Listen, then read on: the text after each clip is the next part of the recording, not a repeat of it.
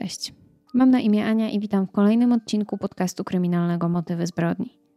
Zanim zaczniemy, chciałabym przypomnieć o subskrypcji kanału oraz włączeniu powiadomień, jeżeli jeszcze tego nie robicie. Dzięki temu nie zapomnijcie o kolejnych odcinkach. Zachęcam także do dołączenia do grupy facebookowej, gdzie dodaję zdjęcia i materiały do omawianych spraw, a także zachęcam Was do dyskusji i dzielenia się swoimi przemyśleniami czy też sugestiami na temat kolejnych odcinków. Dzisiejsza historia będzie dość długa, ponieważ chcę Wam ją opowiedzieć od początku. Będzie to historia właściwie dwóch pokoleń i tego, jaki wpływ ma wychowanie i środowisko, w którym człowiek dorasta. Jak bardzo toksyczni rodzice są w stanie zepsuć swoje dziecko i jak dalekie konsekwencje za tym idą. Przenieśmy się dzisiaj do Stanów Zjednoczonych, a dokładnie do West Valley City w stanie Utah są to właściwie przedmieścia Salt Lake City. Według danych z 2010 roku w West Valley City mieszka 130 tysięcy mieszkańców. Na Google Maps okolica wygląda na przyjemną. Głównie są tam domy jednorodzinne w takim amerykańskim stylu. I to również tam, w 2009 roku, mieszkają Susan i Joshua Powell z dwójką swoich synów, Charlesem i Bradenem. Jednak dzisiejsza opowieść powinna zacząć się zupełnie gdzieś indziej.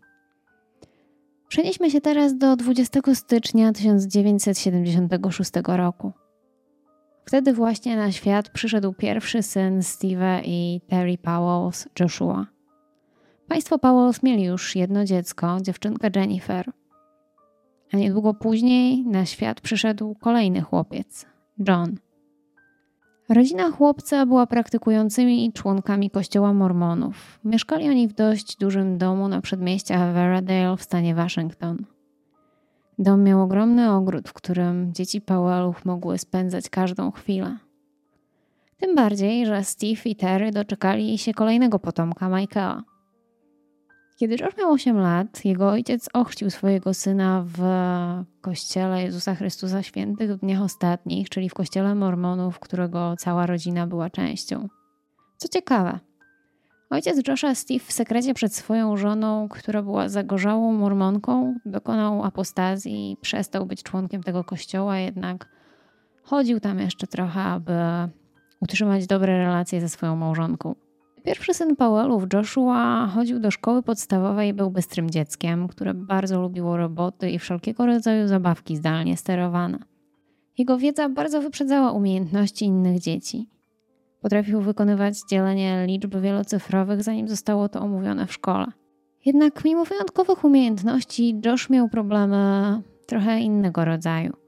Nie potrafił się dostosować do tego, jak zajęcia były prowadzone i do spędzania czasu w klasie. Zdecydowanie był dzieckiem, które uczyło się przez doświadczenia, a nie z podręcznika. W domu chłopca sytuacja była dość napięta. Kiedy Joshua miał 11 lat, rodzice zaczęli przechodzić dość trudny czas. Teresia znalazła pamiętnik swojego męża, w którym opisywał on dość szczegółowo inną kobietę. Dziennik zawierał opisy dwóch lat fascynacji erotycznej żoną innego mężczyzny.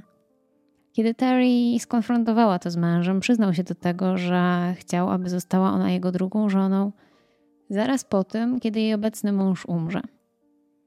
Mama Joshua była wtedy w ciąży z piątym dzieckiem, to była dziewczynka. I były to dość trudne przeżycia jak na taki moment.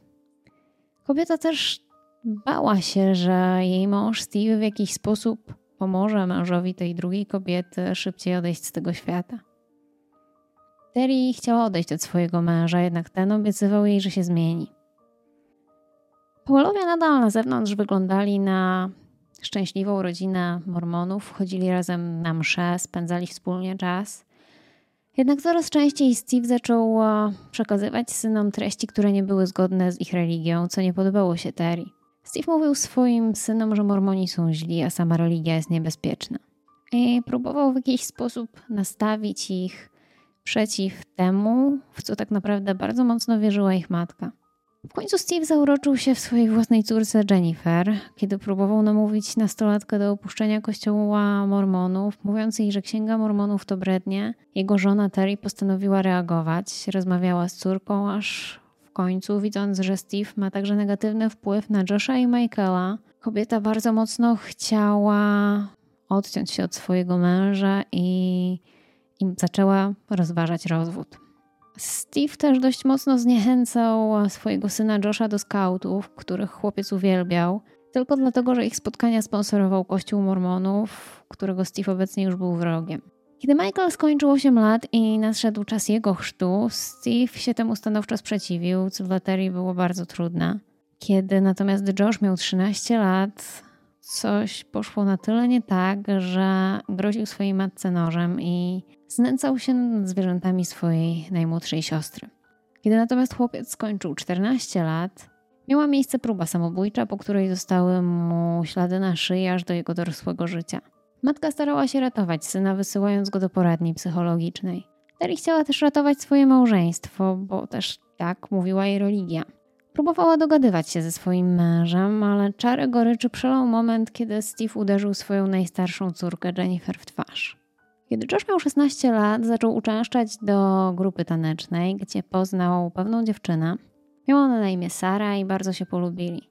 Spędzali ze sobą mnóstwo czasu, ale co prawda Sara była nieco starsza od Josha i dla niej był to raczej młodszy brat, ale Josh miał trochę inne plany wobec tej relacji. Natomiast Sara miała niedługo wyjeżdżać z mamą do innego stanu, gdzie miała rozpocząć studia i dość szybko powiedziała chłopakowi, że ona nie chce się wiązać i nic z tego nie będzie. Latem tego samego roku Joshua znalazł pierwszą pracę w myjni samochodowej. Wszystko szło dobrze, aż do dnia, kiedy z samochodu jednego z klientów zniknęły pieniądze. Podejrzewam, że był to samochód, który, którym zajmował się Josh, ponieważ to jego wszyscy podejrzewali o tą kradzież. I niestety nikt nie wierzył w jego tłumaczenia, że jest niewinny, nawet jego własny ojciec. Po tym incydencie Josh został zwolniony. W tym samym czasie e, Terry, mama Josha, złożyła papiery rozwodowe. Kobieta miała już dość tej toksycznej relacji ze swoim mężem i kiedy jej syn wrócił do domu, poinformowała go, że teraz ona będzie mieszkała w ich domu. Oczywiście on może zostać, jeśli będzie przestrzegał pewnych reguł. Reguły chłopakowi się nie spodobały i podjął decyzję, że zamieszka ze swoim ojcem. Były to takie reguły, jak na przykład to, że ma wracać do domu około 22, czy odnosić się do matki z szacunkiem. Steve oczywiście nie odrzucił swoich dzieci i zabrał Josha i drugiego syna Johna do mieszkania, które wynajmował, a reszta rodzeństwa została z matką. W czasie rozwodu Steve nie chciał tego załatwić z klasą i, i szybko, natomiast obwiniał żonę o rozpad ich małżeństwa. Wykorzystywał też synów, którzy z nim mieszkali, aby udowodnić, że to on ma rację. I zaczęła się taka rodzinna przepychanka o dzieci z dziećmi i takie zewnętrzne pranie brudów. Josh i John także zmanipulowani przez ojca obwiniali swoją matkę o rozpad ich rodziny, natomiast to ojciec był dla nich największym autorytetem. W tamtym czasie w chłopaku zaczęła narastać jakaś taka dziwna agresja.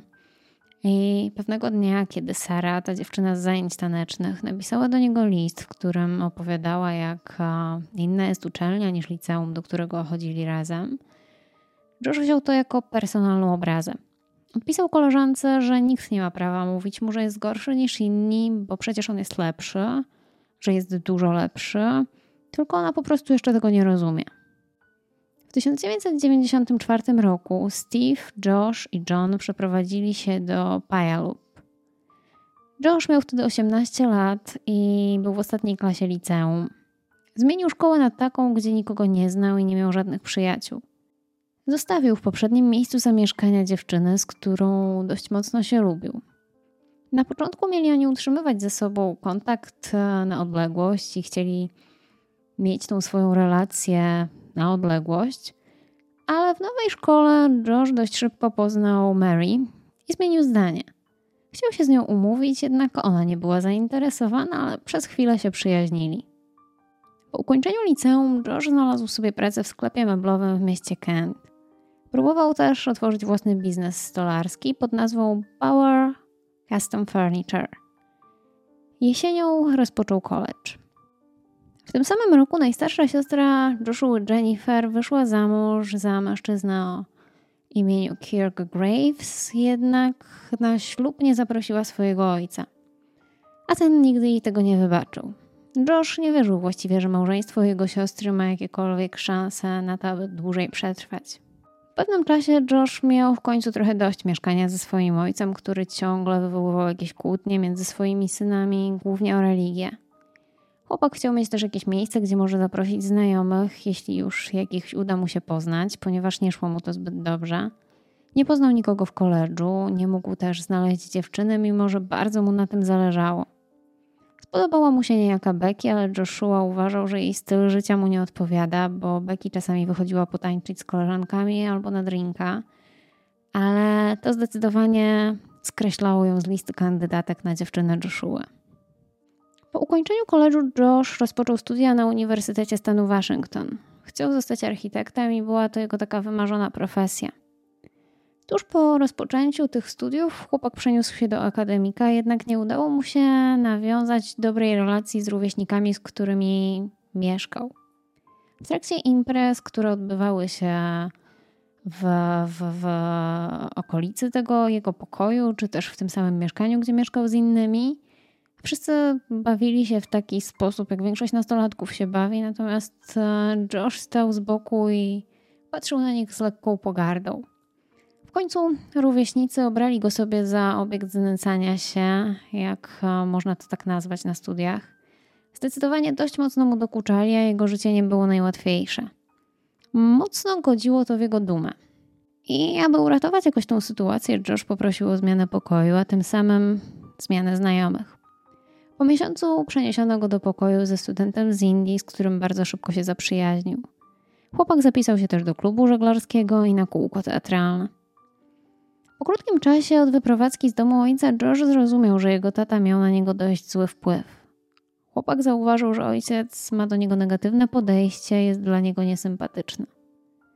W 1997 roku Joshua zmienił zdanie co do architektury i postanowił zmienić kierunek studiów na literaturę, czyli to, co tak naprawdę uwielbiał w liceum. Miał aspiracje, żeby zostać aktorem, ale jeśli o to chodzi, dość szybko się poddał. Chłopak ciągle był apatyczny i przygnębiony, podejrzewał, że ma jakąś depresję. Joshua dołączył też do Uniwersyteckiego Stowarzyszenia Religijnego dla Młodych Ludzi, aby może tam znaleźć jakichś bardziej prawdziwych przyjaciół. Jesienią Josh postanowił odbudować relacje ze swoją matką, ponieważ zauważył już wtedy, że to przez zły wpływ ojca zachowywał się w taki sposób w stosunku do niej. W 1998 roku Josh wrócił na studia, ale nie planował zostać na długo w Waszyngtonie. Chciał wyprowadzić się do stanu Utah, gdzie mieszkała jego siostra, ale zanim to się stało, Josh poznał dziewczynę, Catherine Terry. Katrin także należała do Mormonów i jakiś czas wcześniej przeprowadziła się z Utah do stanu Waszyngton. Miała 19 lat i niedawno zerwała z chłopakiem, potrzebowała jakiegoś nowego startu w życiu, więc zamieszkała w, w stanie Waszyngton u swojej cioci i swojego wujka. Catherine i John poznali się na spotkaniach niezamężnych członków kościoła Mormonów. Josh był dość pewny siebie, więc od razu podszedł do Catherine i się przedstawił. Mimo iż na początku mieli być tylko znajomymi, bardzo szybko zostali parą, a Josh chciał, aby Katrin się do niego wprowadziła. Wujek Katrin wspominał jej, że powinna trzymać się z daleka od Josha, ale dziewczyna już wtedy nie słuchała. Latem 1998 roku zamieszkali razem w mieszkaniu ojca Josha. Josh miał bardzo frywolne podejście do pieniędzy. Mimo, że mieli oszczędzać na wynajęcie własnego mieszkania, ten kupował wszystko, na co tylko miał ochotę płyty, urządzenia do domu, którego jeszcze nie mają, czy cokolwiek innego, co tylko chciał. A kiedy wydawał wszystko, co on miał, to wtedy brał pieniądze Katrin i także je wydawał. Steve był bardzo miły dla Katrin i zachowywał się jak wzorowy ojciec. I dziewczyna nie wiedziała, jak burzliwą przeszłość miała rodzina Josha. Katrin i Josh dość szybko wyprowadzili się i zamieszkali w wynajętym niewielkim mieszkaniu w Seattle, Josh wrócił na uniwersytet, Katrin doradził tak samo, ale ta niestety nie zakwalifikowała się, więc zdecydowała, że pójdzie do pobliskiego koledżu. Katrin nie miała pieniędzy, aby płacić za studia, za, za ten czas w szkole, ale Josh namówił ją, żeby wzięła pożyczkę studencką, po czym zdeponował pierwszy przelew na swoim koncie. Katrin właściwie nigdy nie zobaczyła tych pieniędzy, a Josh za każdym razem zabierał jej czek i sprawiał, że te pieniądze znajdowały się na koncie, do którego ona nie miała dostępu. Pewnego dnia okazało się, że mieszkanie Josha i Katrin ma pewne problemy z przeciekającym dachem, więc Josh postanowił, że pozwie właściciela mieszkania i zaczął czytać o prawie. Wtedy wpadł na genialny pomysł, że przecież może zostać prawnikiem i wcale nie musi być to takie trudne. Z czasem, kiedy ich związek się rozwijał, Katrin miała niewielki problem z tym, że nie byli małżeństwem, co nie zgadzało się z założeniami religii, którą wyznawała. Jednak Josh przyznał, że właściwie nie chce brać ślubu ani mieć dzieci. Co więcej, sytuacja zaczęła być dość trudna, ponieważ Josh coraz mocniej kontrolował Katrin. Nie miała znajomych, nie mogła sama wychodzić z domu. Kontrolował nawet to, co pisze w mailach do swoich koleżanek, bo z komputera mogła korzystać tylko i wyłącznie wtedy, kiedy on siedział obok i patrzył jej przez rękę, co właściwie robi. Była też taka sytuacja, kiedy Katrin poszła zrobić sobie paznokcie, bo miała ochotę zrobić coś dla siebie i bardzo poprawiło jej to humor, czuła się ładnie, czuła się dobrze. Ale kiedy Josh zobaczył jej nowe paznokcie, dość dosadnie dał jej do zrozumienia, jak bardzo mu się to nie podoba. Dziewczyna, widząc jego niezadowolenie, chciała coś zrobić, aby jak najszybciej się tych paznokci pozbyć. Były to paznokcie akrylowe, które ciężko jest zdjąć od razu po zrobieniu. Skończyło się to tak, że dziewczyna dość mocno uszkodziła swoje własne, aż wydała jej się tam jakaś infekcja. Całą noc tak naprawdę leżała i, i, płakała z bólu, a niewzruszony Josh mówił, że właściwie sama jest sobie winna. Jednym z bardziej znaczących momentów wydaje mi się, że był ten, kiedy wujek Katrin zmarł i ona chciała pójść na jego pogrzeb, ale Josh jej nie pozwolił. To dało jej dość mocno do myślenia. W marcu 1999 roku pojechała do domu, aby odwiedzić swoją przyjaciółkę. Celowo wybrała taki czas, aby Josh miał zajęcia i nie mógł pojechać z nią. Postanowiła nie wracać do Waszyngtonu, a z Joshem zerwała przez telefon i poprosiła, aby odwiózł jej rzeczy do magazynu. Po wyprowadzce Katrin Josh musiał znaleźć współlokatorów. Niestety nie miał pieniędzy, aby sam mógł płacić czynsz. I znalazł jakieś osoby. Ustalił z nimi, że to on będzie robił zakupy spożywcze, natomiast oni mają płacić za coś innego. Jednak mimo tych ustaleń, kiedy robił te zakupy, miał do nich dość duże pretensje, że korzystają z, z, z jego rzeczy, że biorą jego mleko czy piją jego sok. W 2000 roku, po kilku kolejnych niepowodzeniach w znalezieniu dziewczyny, przygnębiony Josh postanowił wrócić do mieszkania swojego ojca. W marcu 2000 roku Josh pojechał do domu swojej siostry w Utah, ponieważ chciał tam pójść na spotkanie młodych ludzi kościoła mormonów. Wcześniej poznał też przez internet pewną młodą kobietę, mormonkę, która właśnie tam mieszkała i chciał się z nią spotkać. Niestety nic z tego nie wyszło, a kobieta poczuła się zwyczajnie dziwnie w towarzystwie Josha, który był dość natarczywy i właściwie mógłby się już oświadczyć. Po powrocie do stanu Waszyngton, Josh postanowił przeprowadzić się na dłużej. Znalazł mieszkanie w mieście Tacoma i się wyprowadził od swojego ojca. Mieszkał sam, nie miał żadnych współlokatorów, a w wolnym czasie dołączył do koledżu należącego do kościoła oraz poszedł na studia biznesowe w Takomie. Tam poznał mnóstwo nowych ludzi. Na zajęciach poznał też mnóstwo kobiet, ale żadna nie chciała się zaangażować w relacje z nim. Pewnego dnia Josh wybrał się z kolegą na coś w rodzaju seminarium, takich zajęć weekendowych. Były to zajęcia z tego, tego koledżu sponsorowanego przez Kościół Mormonów. I tam Josh zauważył pewną młodą, przyjaźnie wyglądającą dziewczynę, która właśnie zbierała się do wyjścia. Ale wpadło mu na tyle w oko, że zaczął z nią rozmawiać. Tą dziewczyną była dziewiętnastoletnia Susan Cox. Josh poznał ją właściwie wcześniej, kiedy w liceum poznał Mary, z którą chciał się umawiać, był u niej w domu i wtedy tam na pianinie grała jej siostra, dwunastoletnia Susan. W tym czasie, kiedy Josh poznał Susan, mimo tego, że miał spore problemy z pieniędzmi, postanowił urządzić u siebie przyjęcie świąteczne dla znajomych ze społeczności Kościoła Mormonów. Susan także pojawiła się na, na tym przyjęciu i nawet po kolacji zaproponowała mu, że pomoże mu posprzątać i zmyć naczynia. Tamtego wieczora Josh zrozumiał, że ma jeszcze szansę u Susan, o którą walczył też jego kolega – Josh jakiś czas wcześniej poddał się właściwie, co robił dość często, kiedy robiło się zbyt trudno, aby osiągnąć cel, ale tego wieczoru zobaczył, że jest jeszcze nadzieja. Tym bardziej, że doszło między nimi do pocałunku. Miał wrażenie, że Susan to właśnie ta kobieta, na którą czekał całe życie.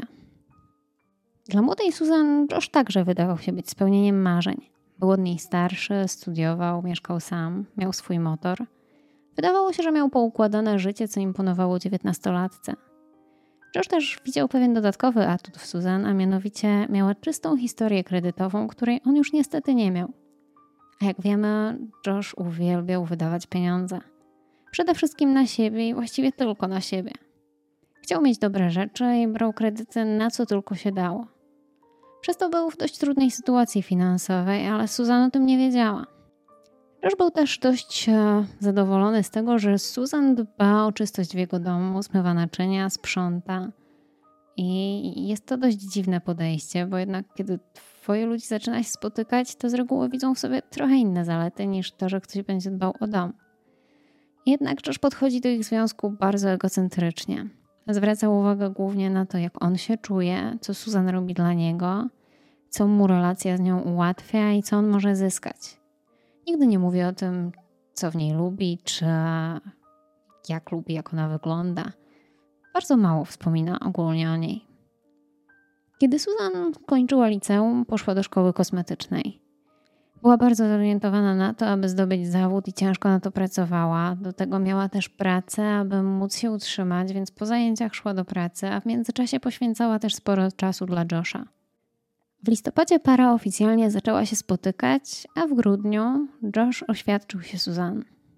Zanim jednak się oświadczył, to poszedł do sklepu do Susan, gdzie ta pracowała i powiedział jej, że szuka pierścionka na prezent dla swojej mamy – i zapytał, czy ta pomoże mu go wybrać i czy kupi go ze swoją zniżką, którą posiada jako pracownik. Susan oczywiście chętnie mu pomogła, po czym w grudniu okazało się, że z myślą o innej kobiecie wybierała swój pierścionek zaręczynowy. Rodzina Susan nie wiedziała do końca, dlaczego ta spotyka się z Joshem. Para nie miała ze sobą nic wspólnego, a rodzice uważali, że Josh nie traktuje najlepiej ich córki. Jednak młoda kobieta była szczęśliwa i zakochana. Susan utrzymywała ze swojej pensji ich oboje. W końcu mieli zaraz wziąć ślub, więc wydawało jej się, że to normalne. Jak tylko Josh skończy studia, to znajdzie pracę i będą wspólnie składać się na życie. W dniu, kiedy mieli załatwić jakieś dokumenty do ślubu, Susan i Josh dość mocno się pokłócili. Kobieta nie chciała go już więcej widzieć, powiedziała mu, że mają odwieźć do domu i nigdy więcej się nie pokazywać. Jednak Josh nie chciał tak łatwo odpuścić. Dlatego zostawił ją na chwilę samą w samochodzie, aby ta ochłonęła. Niestety dla Susan para się pogodziła i niedługo, bo już 6 kwietnia 2001 roku wzięli ślub w świątyni w Portland. Było to to samo miejsce, gdzie ślub brała siostra Josha Jennifer.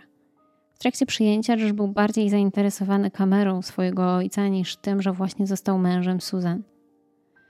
Susan bardzo chciała wziąć kredyt na własny dom, gdzie będzie mogła żyć z rodziną, którą właśnie zakłada. Nie chcieli wynajmować mieszkania, jednak Josh jeszcze studiował, więc nie mieli ani zdolności kredytowej, ani pieniędzy, żeby kupić własną nieruchomość.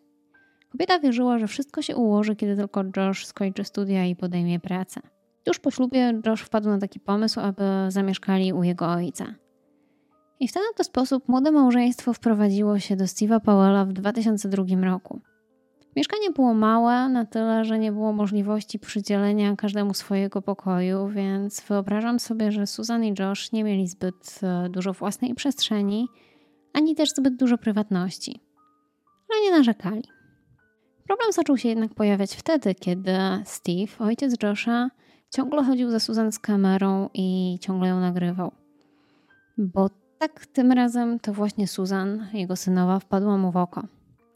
Susan była pozytywnie nastawiona do rodziny swojego męża. Nie rozumiała wtedy, że jej teść po prostu jest nią zauroczony, ale nie jak synową, a jak kobietą. Susan zaczęła też zauważać, że jej mąż nie jest tak bardzo oddany kościołowi mormonów, jak wydawało jej się na początku. W marcu Josh dostał pracę. Dzięki temu mogli znaleźć swoje mieszkanie, a Susan mogła kupić swój pierwszy samochód. Jednak sielanka nie trwała długo, bo kiedy Susan dostała podwyżkę w pracy, Josh został ze swojej zwolniony. Wydaje się ogólnie, że Josh nie miał zbyt uh, dobrej umiejętności utrzymania się w pracy i ciągle na jego drodze były jakieś przeciwności losu. Para powoli zaczęła sprzeczać się o finanse i kłótnie pojawiały się częściej i częściej. Kiedy nadszedł dzień ukończenia szkoły Josha, Susan myślała, że od tego czasu będzie już tylko lepiej, że spłacą swoje długi, wezmą kredyt na swój pierwszy wspólny dom, ale nic bardziej mylnego. Josh ciągle zmieniał pracę, nie był w stanie w żadnej z nich się utrzymać na dłużej, bo zawsze wiedział lepiej niż jego szef czy inni pracownicy. Marzył, że kiedyś zostanie milionerem, jednak nie szły za tym żadne czyny. Natomiast Steve, ojciec Josha, ciągle skupiał swoją uwagę na Susan. Podglądał ją, nagrywał filmy, jak się przebiera. To, co robił, było trochę upiorne. Miał swojego rodzaju obsesję na punkcie swojej synowej. Pewnego dnia, podwożąc Susan do jej rodziców, Steve wyznał jej miłość. Susan była na tyle zszokowana, że nie mogła się doczekać, kiedy będzie mogła wysiąść z tego samochodu i bardzo się ucieszyła, kiedy dojechali na miejsce. Oczywiście po drodze wytłumaczyła mu, że ona jest jego synową i że ona kocha Josha i absolutnie nie jest zainteresowana Steve'em. Oczywiście powiedziała też o wszystkim swojemu mężowi, ale ten zupełnie się nie przejął, bo w końcu jego ojciec taki jest. Wtedy Susan podjęła decyzję, że muszą się wyprowadzić jak najdalej od Steve'a. Postanowiła, że pojadą do Utah, gdzie zacznie się ich nowe życie. W 2003 roku Josh i Susan opuścili stan Waszyngton. W styczniu znaleźli dom, który chcieli kupić, ponieważ Susan udało spłacić się wszystkie długi swojego męża, mogli sobie pozwolić na kredyt. Oboje też dość szybko znaleźli tam pracę. Dom był duży i Josh już wyobrażał sobie wszystko, co kupi i gdzie to postawi. Susan bardzo szybko poznawała nowych ludzi w pracy, a sama praca wydawała się pasować do tak przyjaznej kobiety. Natomiast u Josha było trudniej. Nie odnajdował się w tym, co robi, i zaraz po tym, kiedy wzięli kredyt na dom, Josh został zwolniony. Postanowił, że zarobi miliony jako agent nieruchomości. Susan miała nadzieję, że Josh znajdzie klientów, ponieważ chciała urodzić dziecko, ale na razie sytuacja trochę ją przytłaczała ponieważ miała na głowie męża i kredyt, a jej praca też nie była bardzo stabilna. Kobieta zaangażowała się w lokalną społeczność kościoła mormonów i tam także bardzo szybko znalazła nowych znajomych. W czerwcu Susan dostała stałą pracę i umowę, a także podwyżkę, co było bardzo dobrą informacją, ponieważ wtedy w drodze był ich pierwszy syn. W styczniu 2005 roku nadszedł dzień porodu, ale kiedy Susan błagała, aby Josh odwiózł ją do szpitala, był zbyt zajęty patrzeniem, jak robi się kopia zapasowa na jego komputerze. Na szczęście na czas przyjechali jej rodzice i pomogli. Jakieś dwie godziny później Josh także zjawił się w szpitalu, oczywiście ze swoim komputerem, bo jakby inaczej. I jego teść zmusił go do tego, aby poszedł zobaczyć swojego nowonarodzonego syna.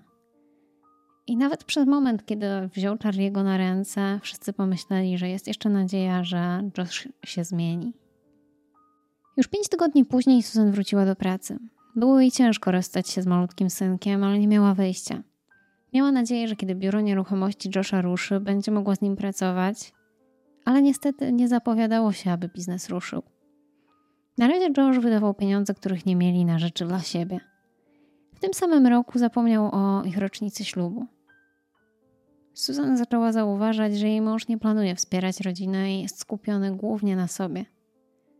Myślała nawet, czy nie powinna przeprowadzić się do rodziców, jednak nigdy tego nie zrobiła.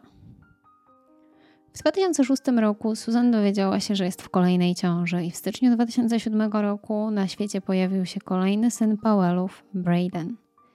Natomiast w maju 2007 roku Susan zostawiła swoją pracę i wzięła kolejny kredyt. Teraz jej życie było jeszcze trudniejsze. Nie miała pracy, miała dwoje dzieci i męża, na którego nie mogła liczyć. W dodatku Josh zabraniał Susan używać nawet ich wspólnego samochodu. W 2007 roku stan ich zadłużenia był tak duży, że Powellowie musieli ogłosić bankructwo. Mieli łącznie około miliona złotych długu. Susan powoli uczyła się być samowystarczalna. Zaczęła sadzić rośliny, drzewa owocowe, robić przetwory czy piec chleb. W 2008 roku Susan postanowiła znaleźć ponownie pracę, bo wiedziała, że Josh nie zrobi nic, aby wspomóc rodzinę. I jednak wszystko było na jej głowie. Czuła się bardzo samotna, niedoceniona i zmęczona tym wszystkim. Kobieta bardzo szybko dostała pracę, nie miała z tym większych problemów, ale chyba wtedy obudziła się ze snu. Jej małżeństwo było porażką. 27 urodziny Susan też nie były przyjemnym dniem. O 22.30 wróciła do domu po całym dniu pracy, a tam czekał na nią okropny bałagan. Ciasto, które było w połowie zrobione przez męża i porozrzucane zabawki dzieci. Kiedy weszła do domu, Josh oglądał jakiś program na komputerze i powiedział jej, żeby poszła dokończyć swój tort. Susan oczywiście tego nie zrobiła. Zaczęła od sprzątania bałaganu, który był w całym domu, a miała nadzieję, że jutro ta sytuacja będzie wyglądała lepiej i że Josh zaplanował coś na jej urodziny. Następnego dnia kobieta oczywiście dostała prezenty od męża, które zostały jej wręczone przez dzieci. Oczywiście mąż nie omieszkał wspomnieć, żeby lepiej była zadowolona, bo oczywiście na prezent wydał pieniądze, a to, co Susan dostała w prezencie, to był taki kalendarz na lodówkę typu magnes, gdzie można sobie zanotować listę zakupów. Nie muszę chyba wspominać, że było jej dość przykro, ponieważ ona pracowała, zarabiała na rodzinę, a jej mąż ciągle myślał tylko o sobie. Nawet zakupy spożywcze, które robiła, były rozliczane co do grosza, a pieniądze na jedzenie dla ich dzieci również były bardzo, bardzo, bardzo wyliczane przez Josha i nie do końca pozwalał on bądź życzył sobie, aby dzieci jadły więcej niż jeden posiłek. Kłótnie między nimi zaczęły być coraz gorsze z dnia na dzień. W lipcu 2008 roku Susan nagrała film w ich domu, gdzie udokumentowała wszystko, co mają, wszystko, co, co Josh kupił, udokumentowała to, co mają w ogrodzie czy w garażu. Na koniec dodała datę 29 listopada 2008 roku, godzinę nagrania 12.33. Dodała też informację, że jest to cały jej majątek i chce, aby było to udokumentowane na wypadek, gdyby coś stało się jej rodzinie. Susan dodała też dość niepokojące zdanie. Jeśli umrę, to może nie być wypadek, nawet jeśli będzie to tak wyglądało. Kobieta wynajęła skrytkę w banku, upewniła się, że mąż nie będzie miał do niej dostępu i złożyła tam wszystko, co mogłoby pomóc jej w rozwodzie, ale ciągle nie mogła się przełamać, aby złożyć papiery rozwodowe. W 2009 roku rodzina Powellów pojechała na niemal miesięczne wakacje, takie objazdowe po stanie Waszyngton. Potem wyglądało, że między nimi układa się trochę lepiej. 6 grudnia 2009 roku Susan i jej synowie poszli na mszę do kościoła. To była niedziela. Po południu tego samego dnia odwiedziła ich sąsiadka, która wyszła z domu około 17. Co prawda, Josh robił wtedy kolację i zaproponował kobiecie, że może zostać, ale jej dzieci nie mogą przyjść, bo nie ma wystarczająco jedzenia. I wtedy właściwie Susan była widziana po raz ostatni w swoim domu. Miała iść się położyć, a Josh miał jechać z chłopcami na sanki. O 20.30 ktoś zauważył, jak Josh wraca do domu z dziećmi. Jakieś trzy godziny później inny sąsiad usłyszał alarm w zamkniętym garażu Powellów, a światła w domu były zgaszone. Nie chciał im przeszkadzać, a alarm niedługo po tym się wyłączył. Ktoś inny słyszał tamtej nocy kłótnie, ale nie był pewien, w którym była domu. Następnego dnia ktoś zadzwonił do matki Josha i jego siostry z informacją, że dzieci Powellów nie pojawiły się w żłobku czy też przedszkolu. Kobiety próbowały skontaktować się z Susan i Joshem, ale nikt nie odbierał, więc poinformowały policję. W obawie, że rodzina mogła zatruć się dwutlenkiem węgla, policja włamała się do domu, ale tam nikogo nie zastali. Do domu wrócił Joshua z chłopcami i natychmiast został zabrany na policję w celu przesłuchania. Zapytany, dlaczego nie odbierał telefonów, powiedział, że chciał oszczędzać baterię, bo nie miał ładowarki, a jego telefon leżał właśnie podpięty do ładowarki w samochodzie. Josh powiedział, że kiedy wychodził z domu, jego żona spała, a on pojechał z chłopcami, dwuletnim i czteroletnim, na kemping po północy 7 grudnia 2009 roku. Policja udała się w to miejsce trzy dni później, ale nie odnaleźli żadnego śladu kempingu, prawdopodobnie zostały przykryte przez śnieg. Wydawało się to dość podejrzane, że w grudniu po północy, kiedy trwa śnieżyca, ktoś zabiera małe dzieci na kemping. Josh miał wtedy dorywczą pracę i nie wziął sobie wolnego, żeby zostać chłopcami, z chłopcami na tym kempingu. Tłumaczył, że zapomniał, że jutro jest poniedziałek. Starszy syn Josha, Charlie, także został przesłuchany. To znaczy, nie było to prawdopodobnie takie typowe przesłuchanie, bo chłopiec miał 4 lata. Podejrzewam, że raczej ktoś z nim porozmawiał po prostu. Charlie twierdzi, że faktycznie pojechali na kemping, ale że mama była z nimi. Tylko z nimi nie wróciła. Po kilku tygodniach nauczycielka z przedszkola Charliego powiedziała, że chłopiec powtarza, że ich mama nie żyje. Podobno mniejszy chłopiec rysował wyjazd na kemping, tylko na obrazku były trzy osoby. I chłopiec mówił, że to ja, to mój brat, to tata, a mama jest w bagażniku. Josh wydawał się zdenerwowany i powtarzał, że nie wie, gdzie jest jego żona. Najprawdopodobniej udała się na spotkanie z jakimiś znajomymi. 9 grudnia policja przeszukała dom Powellów. Znaleźli ślady krwi Susan na podłodze jej ubezpieczenie na życie na kwotę 1,5 miliona dolarów i list, w którym Susan pisze, że obawia się o swoje życie i że jeśli coś się wydarzy, to nie był wypadek. W samochodzie, który także był przeszukiwany, znaleziono telefon Susan z usuniętą kartą SIM, czego Josh nigdy nie był w stanie wyjaśnić. W samochodzie odnaleziono też jeszcze innych kilka ciekawych rzeczy, takich jak generator, koce, kanister z benzyną, plandeki i łopatę. 10 grudnia Josh, Charlie i Braden oraz 100 sąsiadów zebrało się w Westview Park, gdzie czuwali przy świecach i modlili się o bezpieczny powrót Susan do domu. Josh nawet się przez chwilę popłakał, tylko nie wiadomo na ile było to szczere. Policja rozpoczęła dochodzenie w sprawie zaginięcia Susan Powell. Rodzina kobiety zorganizowała konferencję prasową, aby poinformować ludzi, że ich bliska osoba zaginęła i proszą o informacje. Anonimowy darczyńca zaoferował nagrodę w wysokości 10 tysięcy dolarów za pomoc w odnalezieniu Susan. Po przesłuchaniu Josh stał się tak zwanym person of interest, czyli taką osobą, która jest podejrzewana, ale nie ma przeciwko niej na tyle dowodów, aby faktycznie została podejrzanym. Niestety poza dziwnym zachowaniem, takim jak ciągłe sprzątanie kilka dni po zaginięciu żony, czy to, że jego syn mówił co innego na temat wyjazdu na kemping, nic nie dało i, i nie można było Joshowi nic zarzucić.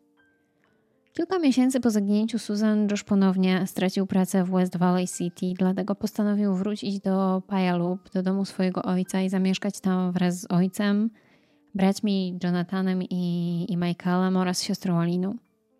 Miał wynająć swój dom w Utah, żeby mieć z tego jakieś pieniądze. To właściwie trochę dziwne, bo kiedy ginie ktoś bliski, to raczej nie chcemy się oddalać od miejsca zaginięcia i chcemy szukać bliskiej nam osoby albo chociaż czekać w miejscu, do którego ta może wrócić. No ale może Josh miał inne podejście. Niedługo po jego przeprowadzce w internecie pojawiła się strona internetowa susanpowell.org. Miała to być oficjalna strona poświęcona Susan. Najprawdopodobniej strona została stworzona przez Josha, ponieważ potrafił on robić strony internetowe. A w komentarzach dość szybko zaczęły pojawiać się anonimowe wpisy, które broniły Josha, twierdząc, że oskarżenia w jego kierunku to oszczerstwa rzucane przez rodzinę jego żony jego siostry Jennifer oraz członków Kościoła Jezusa Chrystusa świętych w dniach ostatnich. Wśród tych postów pojawiły się także informacje, że Susan uciekła z innym mężczyzną, który w tamtym czasie także zaginął w stanie Utah, Stevenem Coucherem. Wpisy mówiły, że Susan i Steven pojechali razem do Brazylii i że od jakiegoś czasu mieli romans. Wiele osób uważało, że anonimowe komentarze pisał sam Josh i jego ojciec. Tym bardziej, że pod koniec 2010 roku Josh i Steve oficjalnie twierdzili, że Susan z powodu choroby psychicznej i zbyt dużego zainteresowania seksem postanowiła zostawić rodzinę i wyjechać z innym mężczyzną. Niestety ich twierdzenia były poparte jedynie opinią teścia Susan, który twierdził, że kobieta z nim flirtowała. W jednym z wywiadów Josh także obwinił rodziców Susan za to, że oni są przyczyną jej zniknięcia, ponieważ zawsze oczekiwali, że będzie idealną żoną i matką, i ona nie wytrzymywała tej presji. Jednak to właśnie rodzice chcieli jej pomóc podczas rozwodu z Joshem i myślę, że to oni byli raczej dla niej wsparciem. Policja wpadła na pewien trop, który doprowadził ich do przeszukania opuszczonych kopalni w pobliżu miejsca zamieszkania Susan. 14 września 2011 roku władze stanu Utah odkryły możliwe miejsce pochówku podczas przeszukania góry Topaz, które znajduje się nieopodal miejsca, gdzie Josh obusował z dziećmi jednak nie odnaleziono tam ciała. Przez jakiś czas prowadzono poszukiwania w tamtej okolicy, ale ostatecznie na nic nie natrafili. W 2011 roku między rodziną Powellów i Coxów stosunki stawały się coraz bardziej wrogie. Steve i Josh zaczęli udostępniać mediom prywatne zapiski Susan z jej pamiętnika, który prowadziła jeszcze kiedy była nastolatką. To miało potwierdzać ich stanowisko, że Susan jest niezrównoważona, a za to winą byli obarczani jej rodzice. Sąd ostatecznie zakazał Powellom publikowania czegokolwiek, co należało do Susan, a także nakazał im zwroty jej pamiętnika i innych rzeczy rodzicom. Policja dowiedziała się też, że Steve miał obsesję na punkcie swojej synowej, a to sprawiło, że chcieli przyjrzeć się bliżej ojcu Josha. Skonfiskowano u niego zdjęcia, notatki, nagrania wideo, w tym jakieś 4,5 tysiąca zdjęć Susan, zrobionych bez jej wiedzy ze zbliżaniem na określone części ciała. Odnaleziono też przedmioty należące do kobiety, takie jak jej bieliznę czy waciki, którymi zmywała paznokcie i tego typu rzeczy, co dało im obraz bardzo upiornego starszego pana. 22 września 2011 roku Steve został aresztowany, ponieważ w jego domu znaleziono pornografię dziecięcą. Poza zdjęciami i nagraniami Susan znaleziono także nagrania bardzo wielu innych, młodych i nie tylko, dziewcząt, e, takich jak na przykład sąsiadki, które podglądał, na punkcie których Steve miał ewidentnie obsesję. Policja zwróciła też e, uwagę na jeszcze jeden szczegół dotyczący rodziny Josha, mianowicie jego brat Michael, który był mocno zapatrzony w starszego brata, do tego stopnia, że praktycznie chodził za nim krok w krok. Zostawił ostatnio swojego zepsutego Forda Taurusa na złomowisku w Pendleton w stanie Oregon.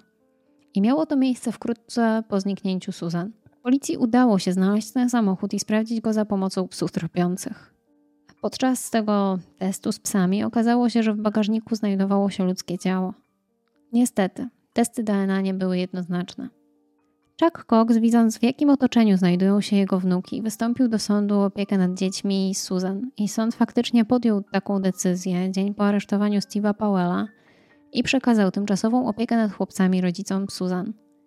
Sąd zdecydował też, że Josh będzie musiał wyprowadzić się z domu swojego ojca, aby móc odzyskać opiekę nad dziećmi. Josh nawet wynajął dom, sprawiając wrażenie, jakby chciał spełnić warunki sądu, ale okazało się, że nigdy się do tego domu nie wprowadził, a ciągle mieszkał w domu swojego ojca.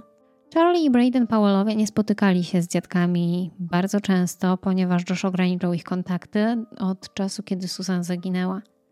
On sam też nie chciał się z nimi spotykać. Pod koniec września 2011 roku siostra Josha Jennifer potwierdziła, że wierzy w to, że jej brat jest odpowiedzialny za zniknięcie Susan Powell.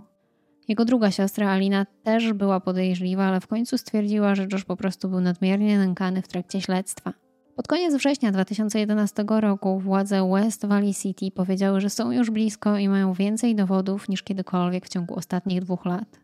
Pod koniec 2011 roku Josh był przedmiotem kilku ocen specjalistów w Waszyngtonie. Wykazały one, że Josh miał odpowiednie umiejętności rodzicielskie, brak kryminalnej przeszłości ani żadnej historii przemocy domowej, ale było też kilka rzeczy, które nie pozwalały na to, aby mógł zajmować się swoimi dziećmi, takie jak apodyktyczne zachowanie wobec synów, paranoja i uporczywa defensywa, jeśli chodzi o śledztwo w sprawie zaginięcia jego żony, czy też fakt, że nie uznawał on swoich osobistych niedociągnięć i sprawiał wrażenie bardzo narcystycznego. Zalecano, aby na początku Josh widywał synów kilka razy w tygodniu, ale tylko pod nadzorem pracownika socjalnego. 5 lutego 2012 roku miało miejsce kolejne spotkanie dzieci Powellów z ich ojcem. Pracownikiem socjalnym była Elizabeth Griffin Hall. Jej zadaniem było przywiezienie dzieci od dziadków do ojca i z powrotem, a także przebywanie z dziećmi podczas wizyt u Josha. Kontrolowanie wszystkiego, co się tam dzieje i dbanie o bezpieczeństwo dzieci. Zresztą kobieta bardzo szybko się z chłopcami zaprzyjaźniła i bardzo się polubili. Oczywiście Josh nie był zadowolony z tego, że jego dzieci przebywają w domu rodziców Susan, którzy podejrzewali go o to, że jest winny zaginięcia ich córki i właściwie zwyczajnie go nie lubili za to, jak traktował ich córkę i co o niej mówił po jej zaginięciu. Josh też nie bardzo chciał, aby spotkania z dziećmi odbywały się pod okiem pracownika socjalnego. Kiedy w niedzielny poranek Elizabeth podjechała pod dom Josha wraz z Charliem i Berdenem, to miała być taka standardowa wizyta, jednak kobieta nie wiedziała wtedy o jednej ważnej rzeczy. Po tym, kiedy kilka dni wcześniej sąd podtrzymał swoją decyzję o tym, że dzieci powinny zostać u rodziców Susan, a Josh może je spotykać tylko w obecności pracownika socjalnego, mężczyzna wybrał jakieś 7 tysięcy dolarów z bankomatu i pojechał na stację benzynową, gdzie kupił kilkanaście kanistrów z benzyną, po czym zawiózł je do domu. Później zabrał zabawki chłopców i oddał je do sklepu z używanymi rzeczami. Tuż przed 5 lutego 2012 roku George wysłał kilka maili do swoich znajomych, prawnika i innych osób, żegnając się z nimi i mówiąc, że jest mu przykro. Nagrał też wiadomość na automatycznej sekretarce w domu Steve'a, mówiąc, że nie może żyć bez dzieci, jest mu przykro i za wszystko przeprasza. Kiedy Elizabeth zatrzymała się pod domem Josha, dzieciaki wybiegły z samochodu i pobiegły w kierunku drzwi, a Elizabeth poszła za nimi. Kobieta była zaledwie krok za chłopcami, bo oni zwyczajnie pobiegli do taty. Byli podekscytowani tym spotkaniem. Kiedy tylko dzieciaki znikają za drzwiami, Josh rzuca Elizabeth upiorny mały uśmiech Trzaska drzwiami tuż przed jej twarzą i zamyka je tak, aby nie mogła wejść. Kobieta woła przez drzwi, aby ją wpuścił. Mówi mu, że nie powinien tego robić. Ale za chwilę słyszy już płacz chłopców i krzyki. A nie, nie były to okrzyki radości, a raczej przerażenia. Za chwilę Elizabeth wyczuwa pod drzwiami gaz i natychmiast dzwoni pod 911. Niestety tam pojawiają się pewne problemy. Można odnieść wrażenie, że mężczyzna po drugiej stronie nie do końca rozumie powagę sytuacji i to, co kobieta próbuje mu przekazać. Zamiast tego skupia się na dość nieistotnych szczegółach. Jednak zanim pomoc przyjedzie na miejsce, jest już za późno, bo kiedy tylko Elizabeth się rozłącza, dom eksploduje. Eksplozja i pożar były tak duże, że uszkodziły domy sąsiadów. W końcu przyjechały służby, takie jak Straż Pożarna czy Pogotowie, i udało im się ugasić pożar – Okazało się, że w całym domu Josh rozlał benzynę. Nie udało się nikogo uratować. Josh, Charlie i Braden zginęli w wybuchu. Sekcja zwłok wykazała, że dzieci przed śmiercią zostały zaatakowane, ale to nie to doprowadziło do ich zgonu. Śmierć nastąpiła wskutek zaczadzenia. Wiele osób podejrzewa, że to, co zrobił Josh sobie i swoim dzieciom oraz maile, które wysyłał przed wybuchem, były swojego rodzaju przyznaniem się do tego, że on jest winny zaginięcia Susan Powell. Do dzisiaj nie odnaleziono ani śladu po Susan. Dlatego też jej rodzina próbowała kilkukrotnie złożyć wniosek o uznanie ich córki za zmarłą. Są przekonani, że kobieta nie, zgin- nie zaginęła, a że mąż ją skrzywdził i nie ma jej wśród żywych. Siostra Josha także jest przekonana, że jej brat jest winny śmierci Susan. W styczniu 2012 roku policja przekazała sporo interesujących informacji. Przed zaginięciem Susan Josh odebrał dzieci z przedszkola, anulował spotkania swojej żony, rozmawiał z jej współpracownikami o tym, jak ukryć ciało podczas imprezy bożonarodzeniowej, a także zmusił Susan do kupienia polisy na życie o wartości około 1,5 miliona dolarów, którego, której jedynym beneficjentem był właśnie on. Światło dzienne ujrzały także dzienniki prowadzone przez Steve'a Powella. Tam, kilka godzin po zaginięciu Susan, mężczyzna napisał, że robi mu się niedobrze na myśl, że Susan może nie żyć.